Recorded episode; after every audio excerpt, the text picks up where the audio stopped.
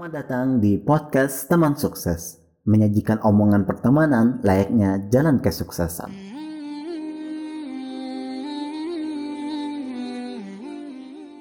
banyak kesalahan itu membuat aku banyak belajar juga. Pernah ngerasain kalau hidup butuh perjuangan? Jangan jadikan masalah itu atau Jackson itu menjadi kayak apa ya kayak aduh aku gagal. Ya tapi ya keadaan nggak tahu kenapa mentok. Asalkan jangan plagiat. Nah sebenarnya kan itu salah satu problem terbesar sih di kalangan ya mahasiswa anak muda itu mereka punya ide punya inspirasi tapi untuk memulai itu ya banyak takutnya kan? Setiap hari itu seenggaknya kalian melangkah event itu satu persen. Semoga ada manfaatnya bagi orang gitu